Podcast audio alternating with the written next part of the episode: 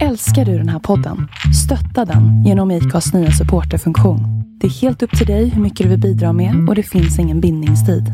Klicka på länken i poddbeskrivningen för att visa din uppskattning och stötta podden. Hiring for your small business? If you're not looking for professionals on LinkedIn, you're looking in the wrong place. That's like looking for your car keys in a fish tank.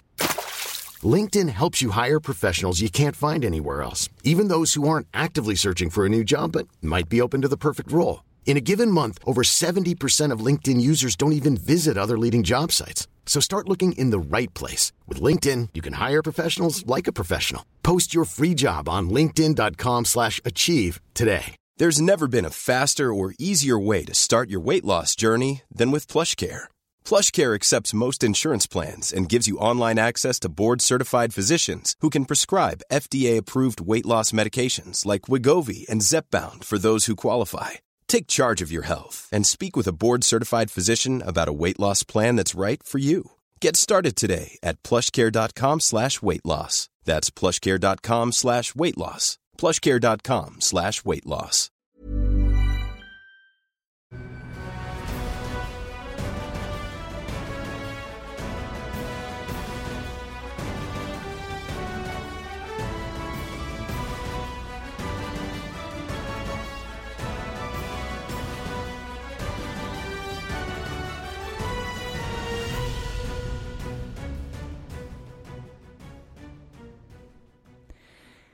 Då är det dags igen för ännu en eh, MotoGP-podd mitt i den eh, högintensiva delen utav eh, sommaren där MotoGP-säsongen återigen har dragit igång med Tjeckiens Grand Prix.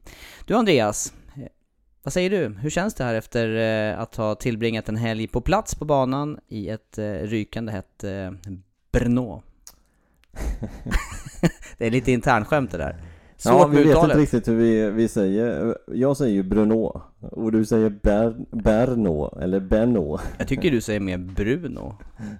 Ja, det, det är svårt att uttala vilket fall. Ja, det, tänk om jag hade varit i Bordeaux istället, det hade varit lättare. För dig i alla fall som pratar franska.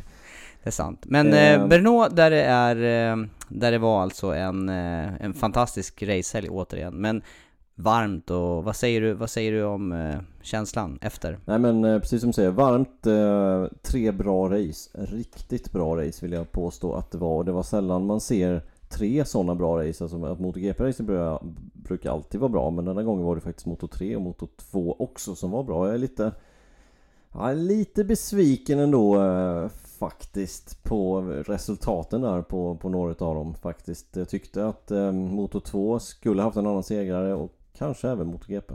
Mm. Jag vet ju också att vi snackade efter racet där om just Moto 2-loppet och eh, Luca Marini såg ju fantastiskt stark ut där. Ja det är helt, eh, helt amazing vad han kör just nu och vilken, vilket flow han har kommit in i nu efter med teambytet och kör då för sin brors team istället och eh, nej, det, han, han verkligen visar ju att han förtjänar den här platsen i det teamet. Inget snack om den saken. Nej, nej det var riktigt bra. Och sen tycker jag han låter så mogen och, och genomtänkt i intervjuer också efter racen.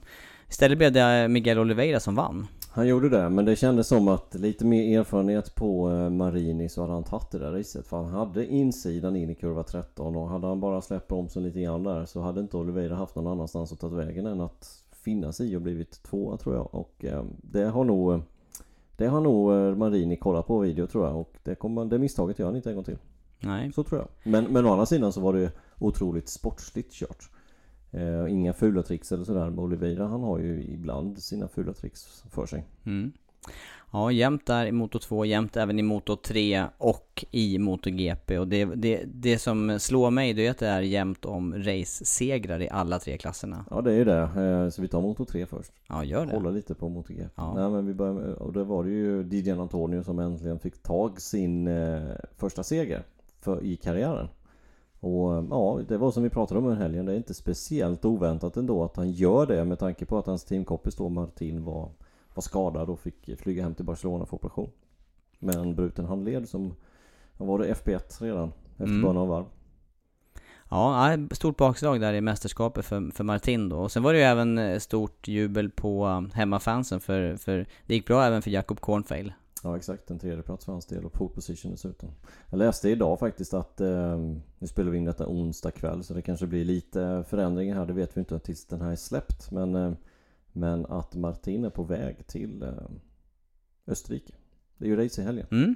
Hoppas att han eh, kan ställa upp där, men, Men frågan är hur bra det är egentligen. Hur, hur är det möjligt med ett, ett armbrott precis vid handleden? Mm, ja, jag vet inte. Han kom tillbaka snabbt efter sitt benbrott också förra året, men då hoppade han faktiskt över det här racet som var nu i helgen. Eh, då bröt han ju Ja, benet i eh, Tyskland, och sen var det några veckors uppehåll, och sen var han på plats i Österrike och körde det loppet. Mm. Han Och, försökte väl i Brno, jag har för mig Ja. att, jag, att vi stötte på honom där förra året med Ja. det här brutna benet och sen så körde han helgen efter istället. Men nu var det faktiskt en bruten handled, det var det stora benet i, i handen dessutom. Och de har satt in i en platta där. Ehm, ja. Nej, jag är nog tveksam till att han kommer köra.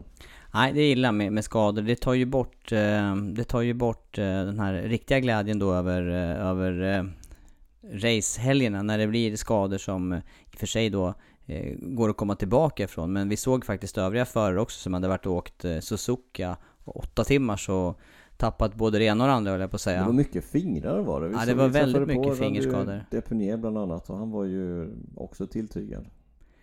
Bit av ett lillfinger på honom.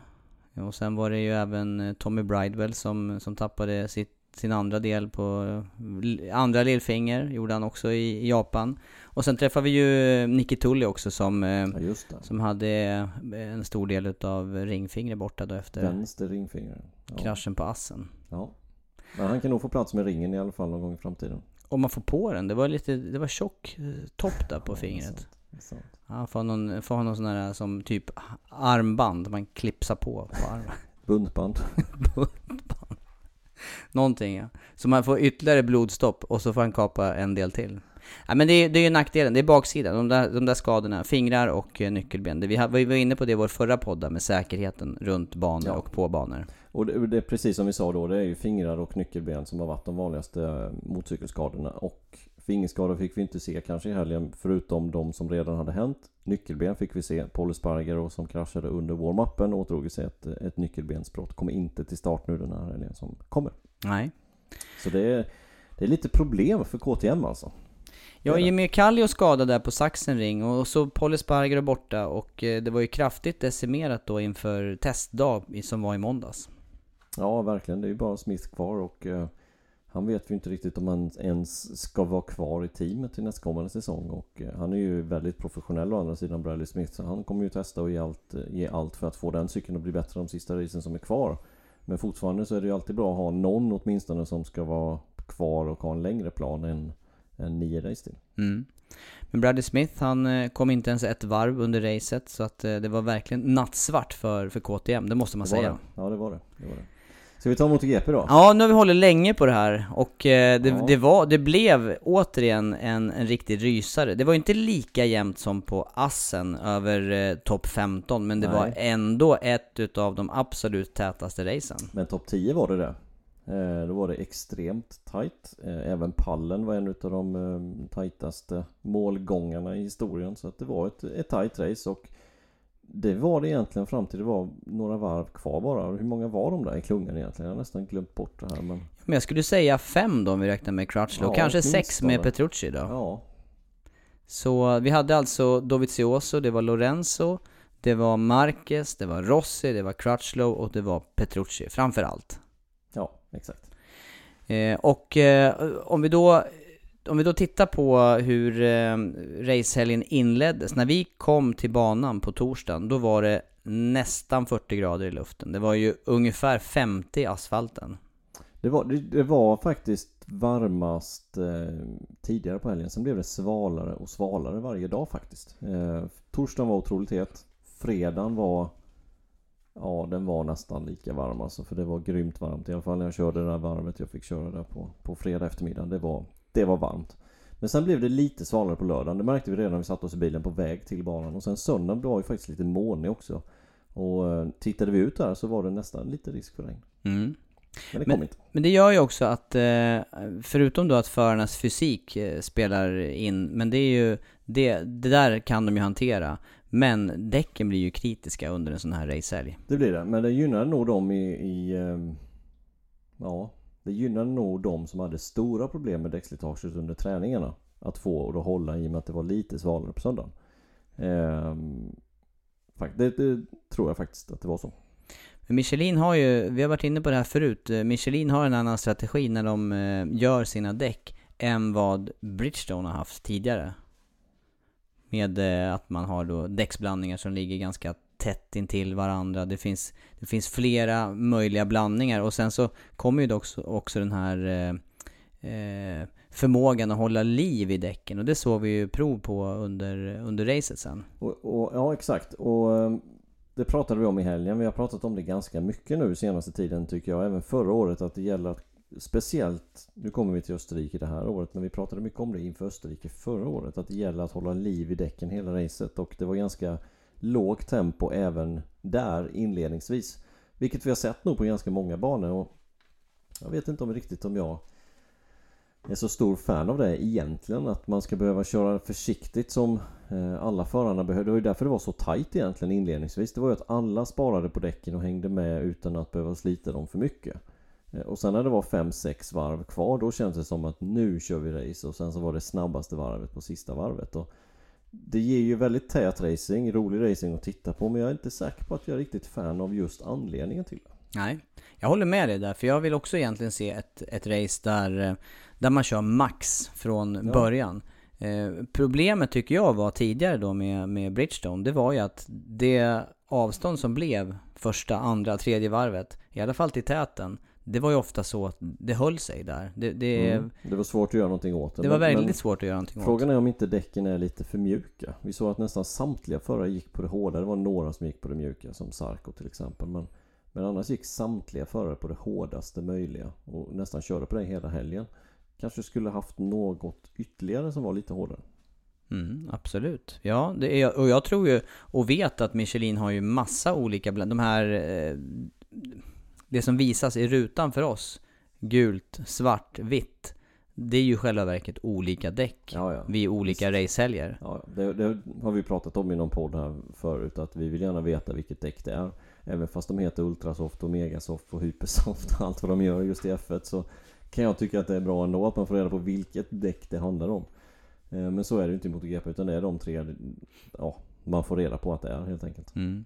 Men det här gör ju också, om man då skulle haka upp sig kring någonting som händer under eh, en, och hände under eh, racehelgen här i Tjeckien, så handlar det ju mycket om en race-strategi, även kvalstrategi och hur förarna och teamen hanterar de fria träningarna också. För att Ja, det är ju olika steg här under helgen som, som leder fram till racet sen. ja så är det ju. Men, men kollar vi på varvtiderna så, så körde förarna någonstans runt låga 57, 57,0 något varv, 57,4 något varv och sen var det fem, höga 56 i slut. Jag tror det var 56,6 eller någonting sånt där som var snabbaste varvet till slut.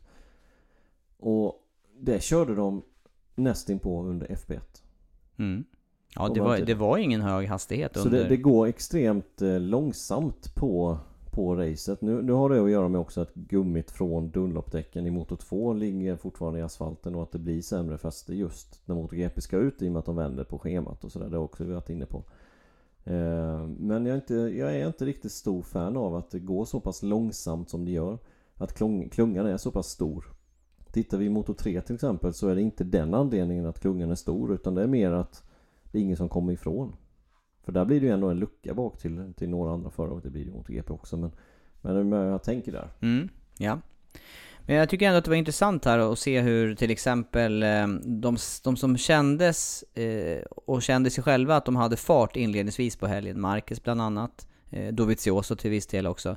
De jobbade ju på under FP1, 2 och 3 med att hitta raceinställningar och, och gick ifrån lite av det här som vi har sett just under FP3 och även i slutet av FP2 mer eller mindre köra kvalvarv. Ja, för de hade speeden redan från början. Eh, speciellt då Dovizioso och eh, Marquez. De var ju starkast varvtidsmässigt under träningarna och allting sånt där. Och sen, kom, eh, sen kom Lorenzo där och eh, såg otroligt stark ut i racet. Ja, det var länge sedan man såg eh, Lorenzo köra ett sådant race. Alltså lite mer strategi. Men även aggressiva omkörningar. Mm. Det, var ett tag sedan. Ja, jag tände också till på det där och tyckte det var riktigt roligt att se. Det, det var ungefär som den här aha-upplevelsen på, på Mugello för ett par år sedan när han fightades med Marquez på slutvarvet. Just det. Han kan ju fightas, det, ju- det vet vi ju sen innan. Vi har ju sett han sätta av folk till höger och vänster under speciellt 2.50-tiden. Så att det är klart att han kan köra på det sättet. Men Ja. Det var kul att se igen, speciellt den omkörningen jag gjorde i kurva 13, kurva 14. Han först stod Marcus in och sen Dovizioso i nästa sväng. Det höll inte riktigt men Ja, det var, det var ballt att han provade Ja, att göra det hela vägen ut.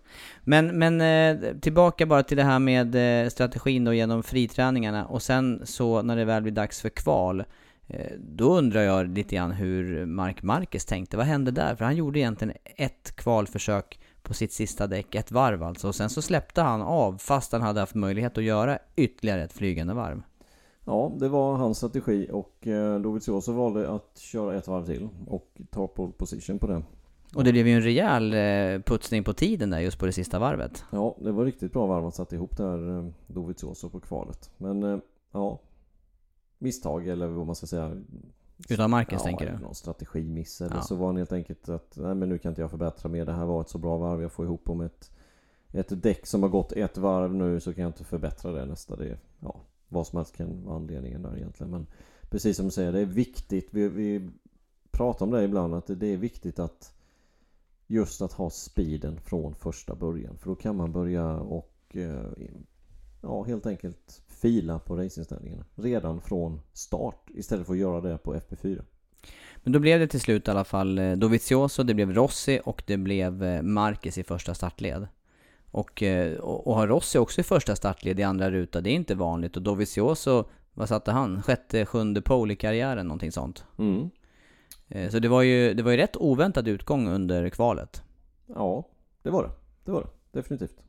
Och även namn, erfarna namn som vi spekulerade här under helgen då som gick. Att det, det kommer att vara erfarna namn högt uppe i resultatlistorna och kanske även i kvalet. Ja, det trodde vi. Och eh, det får man väl säga att det var. Ja, det var det definitivt. Men vad är det som gör då, till exempel där då att eh, Dovizioso, eh, Lorenzo plötsligt blev så starka med eh, Ducati-cyklarna den här helgen? För de slutar ju alltså etta, tvåa och... Eh, säger jag rätt här nu? Ja, det var ju dubbelseger naturligtvis. Jag var, tvungen att, jag var tvungen att tänka till en gång till. Vi pratar så många Ja. namn och Nej, men, scenarier här. Det var ju Dovi, det var Lorenzo och det var Marcus på pallen sen. Mm. Så var det. Eh, och eh, till att komma tillbaka till lite vad jag sa för en liten stund sedan där. Jag tycker nog att Lorenzo borde vunnit det här racet. Faktiskt. Vad tänker du då? då? Nej, jag, jag tyckte att han såg starkare ut i slutet. Och eh, ja, frågan är om man valde lite fel strategi när det var några varv kvar.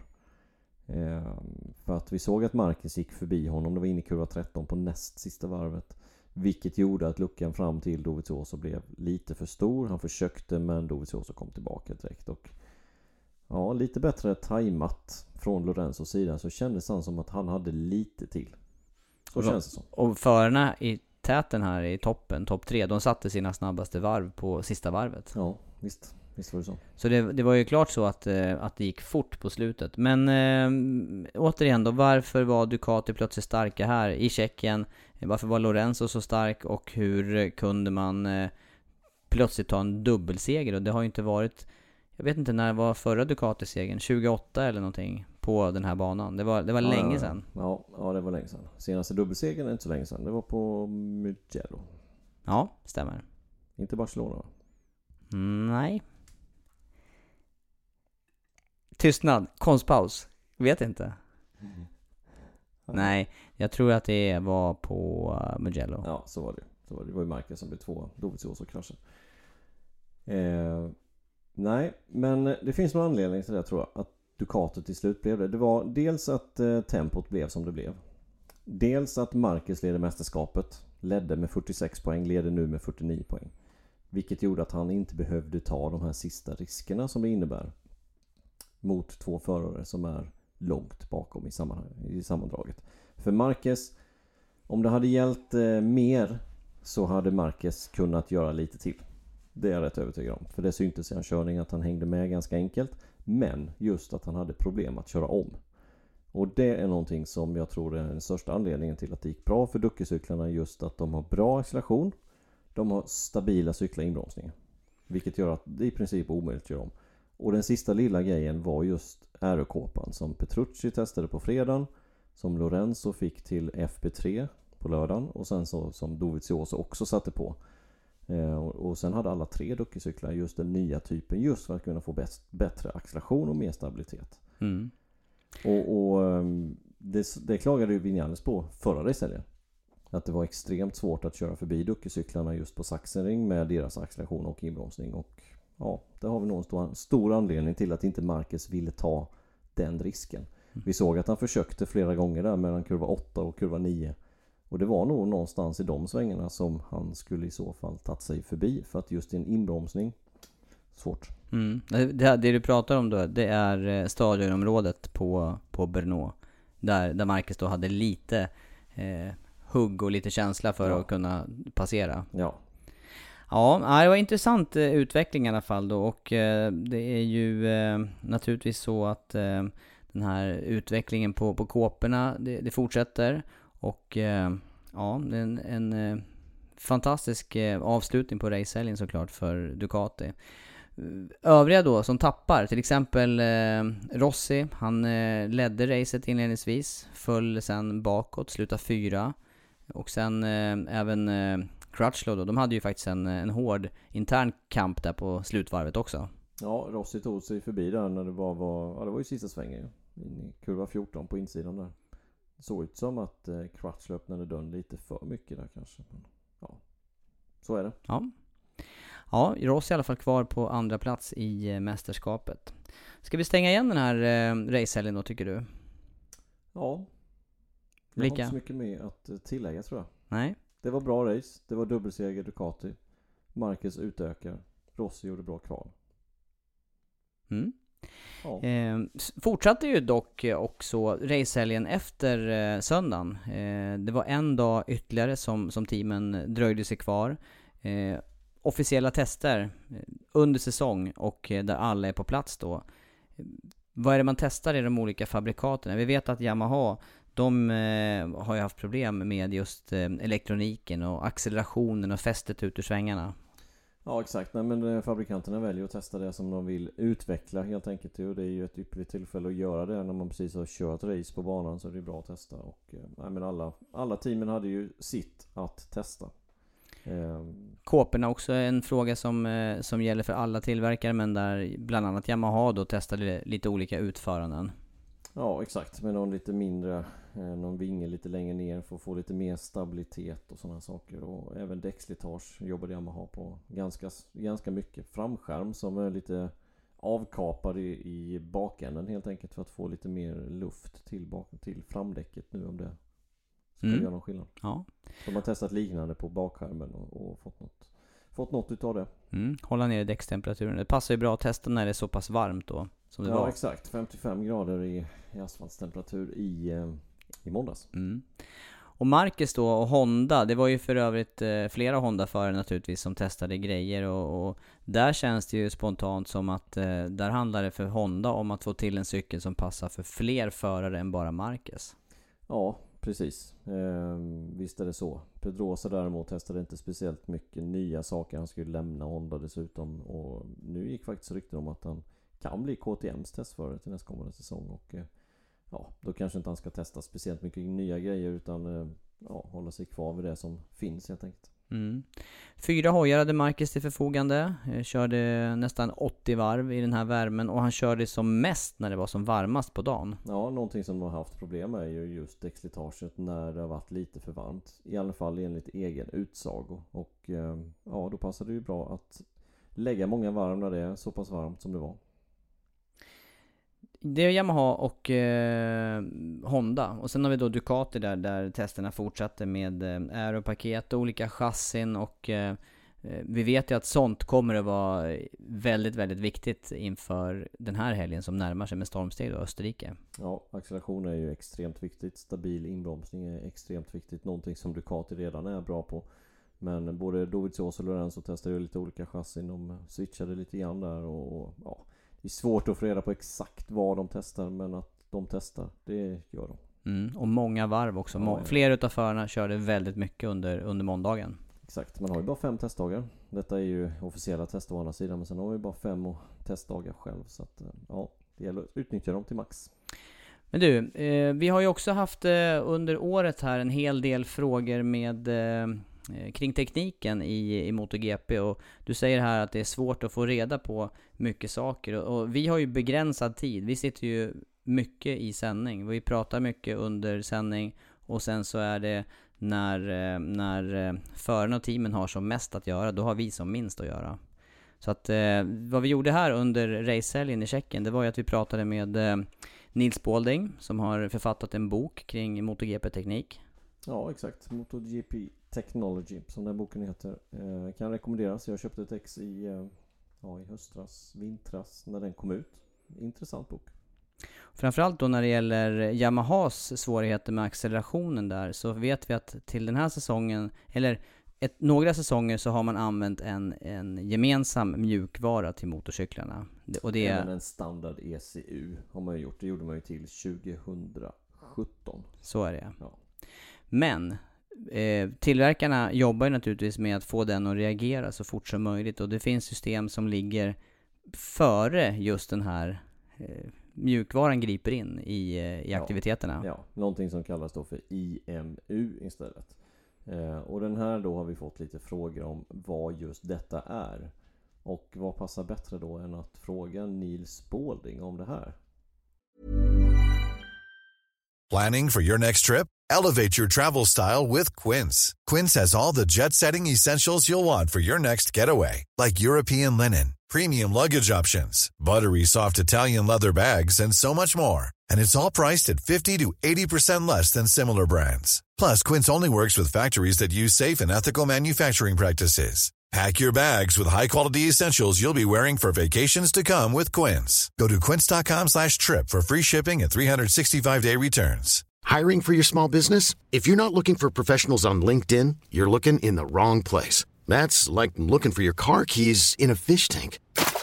LinkedIn helps you hire professionals you can't find anywhere else, even those who aren't actively searching for a new job but might be open to the perfect role. In a given month, over 70% of LinkedIn users don't even visit other leading job sites. So start looking in the right place. With LinkedIn, you can hire professionals like a professional. Post your free job on linkedin.com slash achieve today. Hey there, it's Michelle Norris. I'm host of a podcast called Your Mama's Kitchen. When I travel, I'm usually looking for a way to find a taste of home when I'm not at home. And one of the things I love to do when I am at home is entertain. And Airbnb allows me to do that. When I was in California recently, I rented a house that had a great kitchen. And when we were sitting around the table, we're all thinking, we're in someone else's house. Someone could be in all of our homes as well. If you have a home, but you're not always at home, you have an Airbnb. Your home might be worth more than you think. Find out how much at airbnb.com slash host. Yes, well, basically, when, when they negotiated the control electronics, um, the guys that understood electronics who were working for Dorna were desperate to get the whole system as a control system so that nobody – could play around with it. And somewhere in the negotiation, everybody said, okay, we'll agree, but you must let us do what's called the inertial measurement unit, the IMU. And in the end, I think the boss of Dorna, Carmelo Espeleta, just said yes in order to get an agreement. He wanted the control ECU, he's got it. There is now a pretty healthy rumour that the some of the factories are using their own IMUs to partially process the information. I mean, basically, uh, an inter- inertial measurement unit. You have one in your iPhone. Yes, if you if you want to tilt it around, it works out which way is up. Yeah. Where to put the picture on the screen, everything else. Um, you can also it also has a, a, a, thing for measuring acceleration and deceleration. So your iPhone can do all that. You also got two in your head. You, you've got an inner ear you know that, you've got a, a, series of channels inside your ear um, in three different axes that measure how you are moving, and they give you give your own uh, personal system the information it needs so you can stand up on two feet and balance. Um, all they have done is give each motorcycle its own inner ear. Basically, it knows exactly where it is in space. It knows what the lean angle it is. It knows how it's accelerating. Um, it knows how it's decelerating. It knows how the bike itself is pitching forward. And based on that information, they can adjust the way the engine is working. They can't adjust anything else, but you can adjust acceleration and deceleration. And that makes a lot of difference when you're wanting the bike to throw itself over forwards and push down on the front tire or roll back and push down on the rear tire because it is that pitching motion that allows you to get the best out of the tires. You know, you, you don't want the tires to just sit there as little round objects. You want to flatten them a little bit. I mean, in the end, the tire is just a big balloon. So you want to push down on it and get it to flatten a bit so it's got more area against the road. But you don't want to go too far because it will stop gripping. The- It's, it- it's just judging it right that matters. Ja, en rejäl utläggning och eh, kom du ihåg känslan här i, i rummet där vi satt Andreas? Jag kommer ihåg att det var ungefär 42 grader varmt i den där lilla containern vi satt i. Det kanske låter lite att det ekar lite men det har sina förklaringar. Mm. Ja, intressant att höra i alla fall eh, Nils Balding då som har ägnat eh, åratal utav samtal och eh, spioneri får man väl nästan säga i depån då för att, för att få fram eh, kunskaper kring det här. Och sen är han ju också väldigt eh, eh, analytisk och, och ställer frågor kring allting. Det gör han. Eh, Men det kan inte vara lätt för honom just nu då att eh, när han har skrivit de här böckerna att kunna få nya nyheter. För man vet ju det att det är ju det är filtar och grejer som åker över hojarna så fort han kommer i närheten. Mm, det är faktiskt så. Men eh, jag vet inte heller, det kanske är så att eh, den här eh, industrin då, sälja tryckta böcker, det kanske också är på väg att försvinna. Så att det, det kan ju också vara som en, en sista, eh, sista avsked att eh, publicera en bok om sådana här saker. Ja, kanske. Intressant är den i vilket fall som helst. Ja, mycket. Mm. Mm. Och vi hade ju också en, en eh, ytterligare fråga och eh, fundering som vi, som vi tog upp i samband med att vi pratade med honom här och det gällde ju de här, eh, eh, som man säger då, lunchboxarna eller salladsboxarna som är synliga och tydliga på Ducati-cyklarna men de här systemen finns ju även hos andra tillverkare. Ja exakt. Eh, massdämpare är det vi pratar om och eh, vi tar och ställde den, eller vi tog och ställde den frågan även till Neil då. Vad, vad är det som finns i den här lilla lunchboxen på Ducatin? Well, it's the rider's lunch. It's in case he gets stuck out on the racetrack. He's got sandwiches and a you know Something bit of cheese and some bread. weekend. Yeah, absolutely. Yeah. the the most important thing is whatever is in there weighs somewhere around about two kilos. Um, there's an interesting story. If you go back to the days of two strokes, Wayne Rainey, early data logging. It's my time, Andreas. Yeah. T- Okay, t- t- Team Roberts uh, had Wayne Rainey. They had a two kilo data logger, and they just had it on the bike for practice. For race, they took it out, and the rider would go out and practice, and the bike handled really great. And then they took this lump of metal out because they thought it would get the bike would go faster without it, um, and the bike vibrated and chattered. The, the tires weren't happy. Uh, there was some sort of harmonic resonance um, coming from the tires that was conspiring to vibrate with the chassis, and you suddenly end up with this massive vibration. They finally traced it back to the fact that they were taking this two kilo weight out of the tail of the bike. It took quite a few years to work out what was going on, but essentially, if you look at the rear subframe of the bike, it's like a, if you imagine it, instead of looking at it as a seat unit, think of it as a selfie stick and at the end of it, you've got a two kilo weight. If you vibrate the whole motorcycle, that stick, that seat unit going out, if it is designed correctly, the length matters, the rigidity matters, the positioning of the weight matters, uh, the damping, so the rubber blocks the weight is sitting on matters. You can actually get to a point where if the bike starts to vibrate, the tail unit starts to vibrate out of phase, so it damps it out. So it, it, it allows the bike to start vibrating, but then it's vibrating in the opposite direction. If you have chatter, if, if you have this harmonic resonance coming up through the tires, it helps damp it out. Now, nobody really concentrated on that until Dorna said they have to carry their TV gear somewhere on the bike. And most people just put it at the front or in the middle, you know. And then somebody said, well, why don't we put it in the tail? We used to damp out vibration with two kilos in the tail. This is about one and a half kilos worth of TV gear. So Dorna provided the mass. All they then had to do was redesign the seat unit so that it would vibrate at the right level.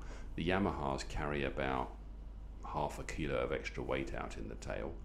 The Tech 3 bikes have got an earlier version, so the weight's in a slightly different position. So wherever that is, it was probably designed for Bridgestones. And the weight on the latest works bikes is a slightly different position. It's why when they roll the bikes out in the morning without a fuel tank, they cover up that section of the tail, so we can't work out where the actual weight is. But in the end, you've got a you've got a, a seat unit that's designed to vibrate out of phase with the motorcycle. Ja, och eh, chatter, det har vi alla känt av som har eh, framförallt tävlat på motorcykel. Jag vet inte, man kanske inte riktigt känner av det på, på landsväg, men om man eh, pressar på på bana så, så är det nog många som har känt av det i alla fall.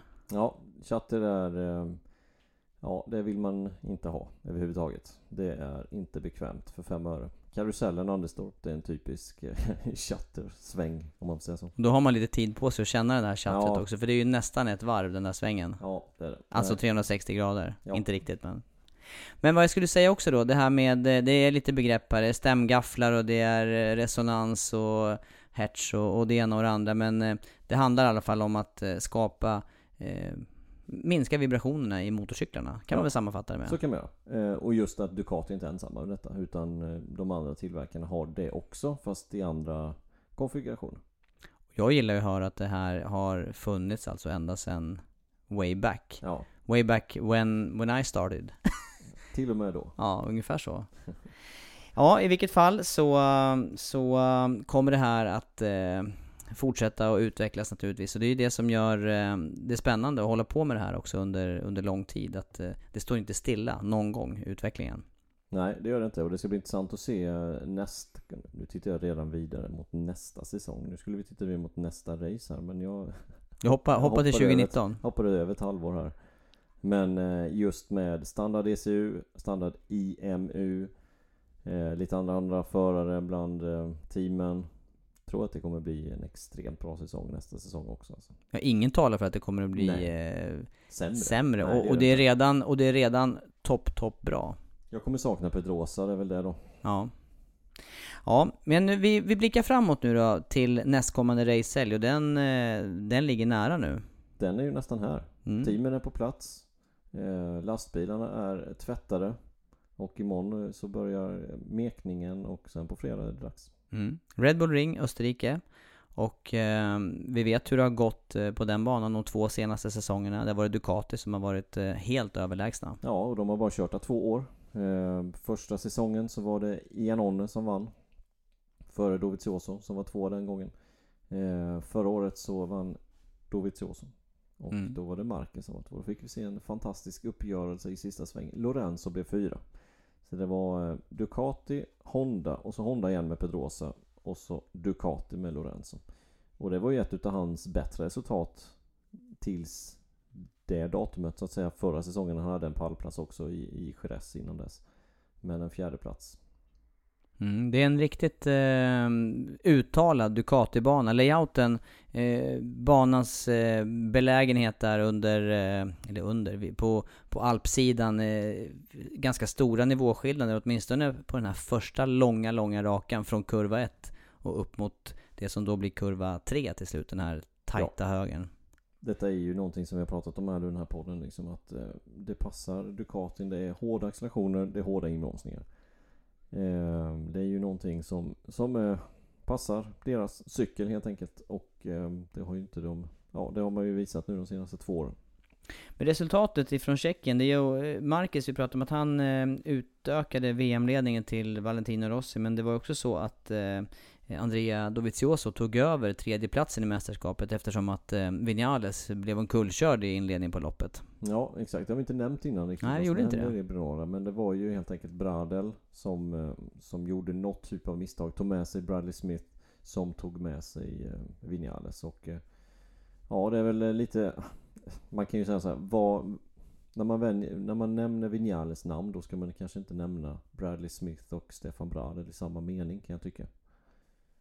Du menar att Han är på fel Vinales ställe. är på fel ställe Ja. där i början på racet? Ja. Och, det, och det var ju han redan från kvalet där Ja, han är ju på fel ställe.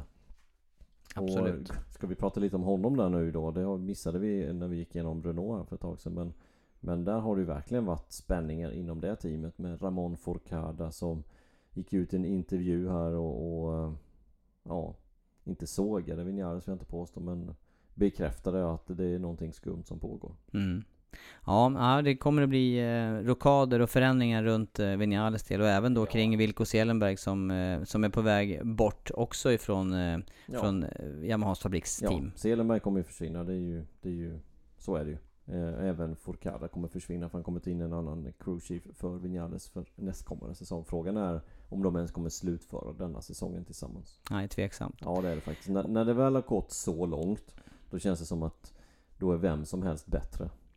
Och det handlar alltså om chief som är jätteviktig för att staka Ja. ut riktningen för helgens arbete och Absolut. för eh, utveckling och steg vidare. Och sen även då Seelenberg som själv har tävlat och eh, fungerar som förarcoach bland annat för Vinales. Ja, det var ju en incident där efter FP3 när då Vinales missade att ta sig vidare till Q2 direkt. Han blev, eh, han blev väl 11 efter den träningen vill jag för mig. Och då hade de en strategi som sa att vi ska gå ut på ett däck och det gjorde han och det räckte inte. Och så kom han in i depån. Det såg inte jag i sändning faktiskt men tydligen så var det liksom lite sarkastisk eh, applåd därifrån Vinales till det här beslutet. Och det förklarar han själv med sen efteråt att det var till han själv att inte han stod på sig att han ville ha sin strategi med två nya bakdäck i slutet precis som Rossi hade då och sådär.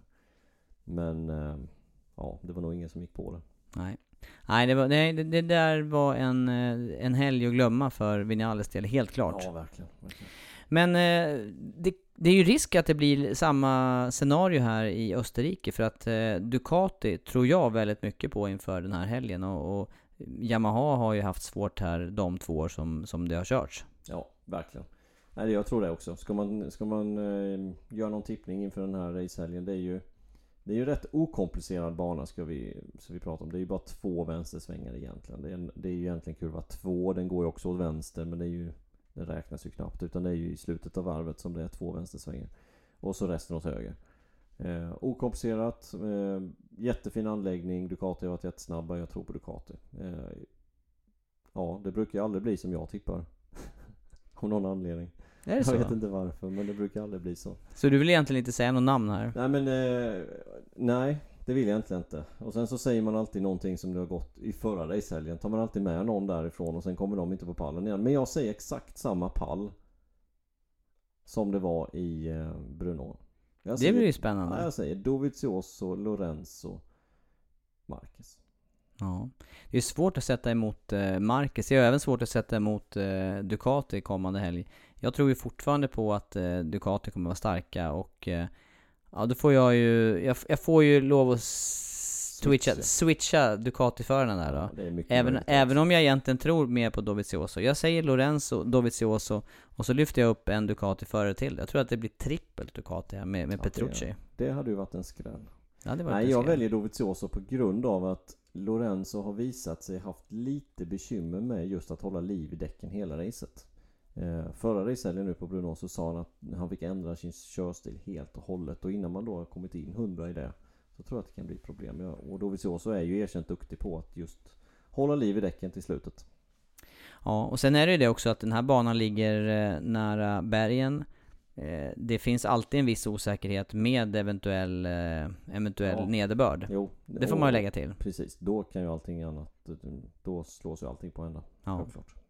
Men annars är det start och stoppbana, det är ganska korta kurvor och eh, allt talar för eh, fortsatt eh, Ducati-dominans på den här bansträckningen. Ja, och så är det Yamaha som går upp och dominerar nu. Ja, det skulle vara någonting. Ja men du, det är... Ja. Kan det här räcka då? Jag tror det. Jag Ja. tror det. Nu är det back to back. Nu får vi hämta lite energi. Nu kör vi på fredag igen. Mm. Ni är med som vanligt på Viaplay, på Viasat Motor framförallt, eh, Viaplay också. Och så får ni se själva under eh, racehelg nummer 11 i ordningen, blir det så? Så blir det. Det är bara nio racehelger kvar nu. Ja. Hälften har gått. Fullt ös. Tack för idag.